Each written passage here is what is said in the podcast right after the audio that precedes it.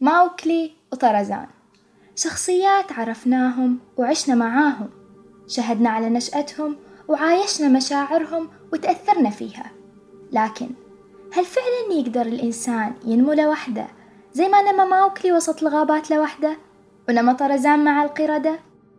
أو إنه كائن اجتماعي بطبيعته؟ وهذه مجرد شخصيات خيالية.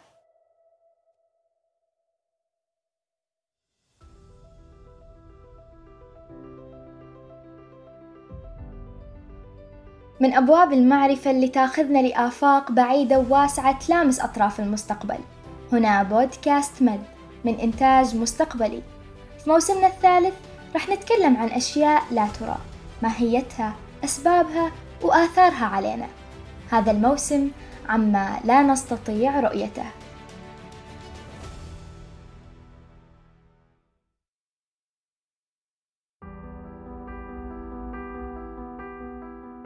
العلاقات الإنسانية واحدة من أساسيات حياة كل الناس على اختلافهم سواء كانوا بتعبيرنا انطوائيين أو منفتحين. ولأن التواصل أساس في تكوين هذه العلاقات وتطورها فهو مهم من بداية عمر الإنسان بل حتى وهو لا يزال جنين في رحم أمه. وتكمن أهميته في تشكيل مسارات عصبية جديدة في الدماغ وغيابه يعني عدم تكون هذه المسارات. بالتالي نقص في الخبرة والمهارة لاحقا. فالمولود من أشهره الأولى يطلب التواصل ويبحث عنه بل هو جاهز وراغب فيه بس يحتاج تفاعل. فمثلا تحريكه لأياديه لما يشوفها واستجابته بالعين للي حوله من صوت لعبة أو مناغاة شخص دليل على هذه الرغبة وهذا ما أثبت بدراسات حديثة. بالنسبة لنا لما نشوف رضيع يحرك أياديه نشوفها حركات عشوائية وغريبة لكنها ليست كذلك. في سنة من السنوات في دولة روما دقت في راس القيصر إنه يبغى يعرف كيف يتعلم الإنسان اللغة. أمر العلماء إنه ياخذوا مجموعة أطفال لمدة ثلاث سنوات وهي الثلاث السنوات الأولى في حياتهم وما يسمعوهم أي صوت ولا يتكلموا وياهم أبدا. والنتيجة إنهم صاروا ما يعرفوا يتكلموا. والأكثر من هذا إن المسارات العصبية اللي تخص السمع في الدماغ أتلفت. بالضبط زي ما العضلات تضمر إذا ما حركناها. إذا الإنسان كائن اجتماعي بطبيعته.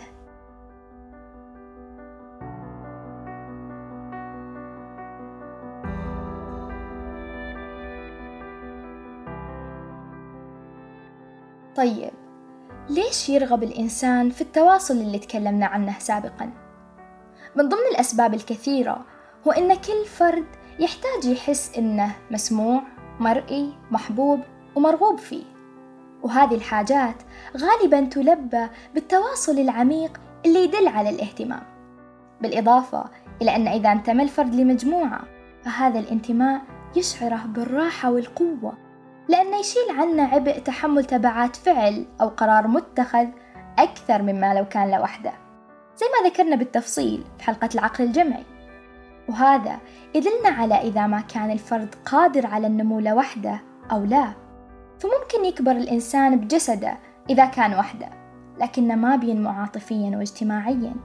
فالنمو المعنوي الحقيقي يصير مع الناس عبر الاختلاط بهم والتواصل معهم بناء العلاقات والتعلم منها وأيضا بخوض التجارب المختلفة.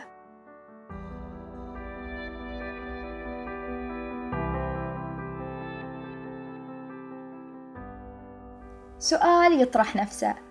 لو افترضنا أن في شخص مضطر أو مجبر يكون لحاله فإلى أي مدى يقدر يتحمل يكون وحده؟ في تجربة أجريت على مجموعة من الفئران.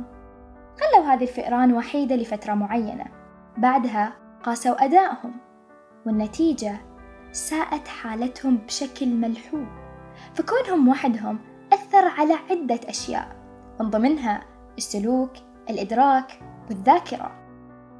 إذا في حد لقدرة الإنسان على أنه يكون وحده والمسؤولين عن السجن الانفرادي مدركين لهذا الشيء.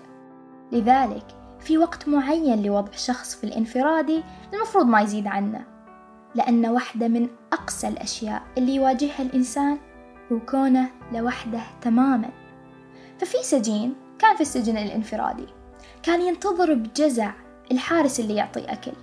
مو عشان أكل نفسه لكن عشان نظرة الحارس له عبر فتحة إدخال الطعام.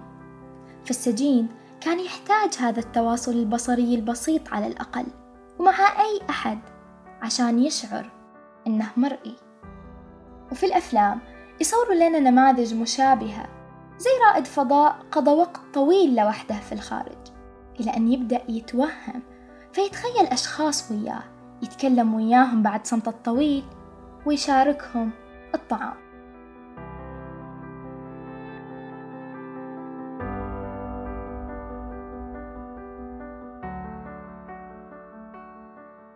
قد يحتاج الإنسان إنه ينعزل لفترة وهنا يصير خلط في المفهومين. فالعزلة الاختيارية مختلفة تماما عن العزلة المفروضة أو الوحدة. الأولى قد تكون لتفكيك الأمور أو لإعادة ترتيب الأولويات أو للخروج بعمل إبداعي وغيرها. أما الثانية فربما تكون أشبه بالموت التدريجي. ومثل ما قالت الكاتبة بثينة العيسى العزلة لم تكن أبدا لأجل ذاتها بل لأجل العودة إلى المجتمع مع فائض القيمة. قد يظهر الفرق بين المفهومين في اختلاف ثقافة المجتمع والزمن. فالمجتمعات الجمعية تقدر المجموعة بينما المجتمعات الفردية تقدر الفرد أكثر. وهذا يرى مثلا في طريقة تصميم القرى والمدن. فمن يذكر كيف كنا نمشي في الشارع ونعرف كل الناس اللي تمر جنب بيتنا؟ لأن البيوت قريبة من بعضها البعض وحتى أحيانا بيتين يجمعهم جدار واحد. بينما تصميم المدن في مجتمعات أخرى فردية وحتى عندنا في هذا الوقت ما يساعد على القرب. فمثلا في بريطانيا ثلث البيوت يسكنها شخص واحد.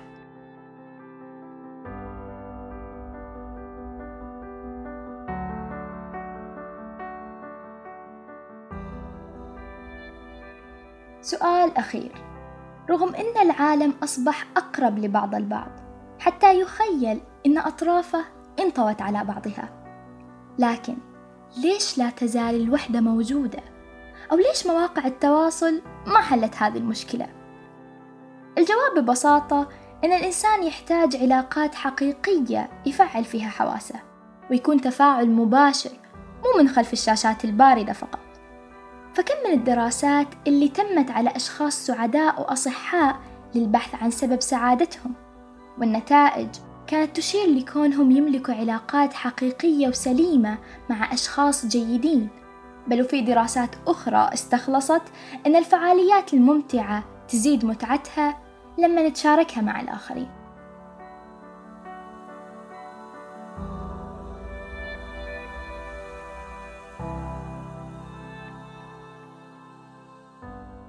إن الهدف من العلاقات الإنسانية بشكل عام هو تكامل الإنسان.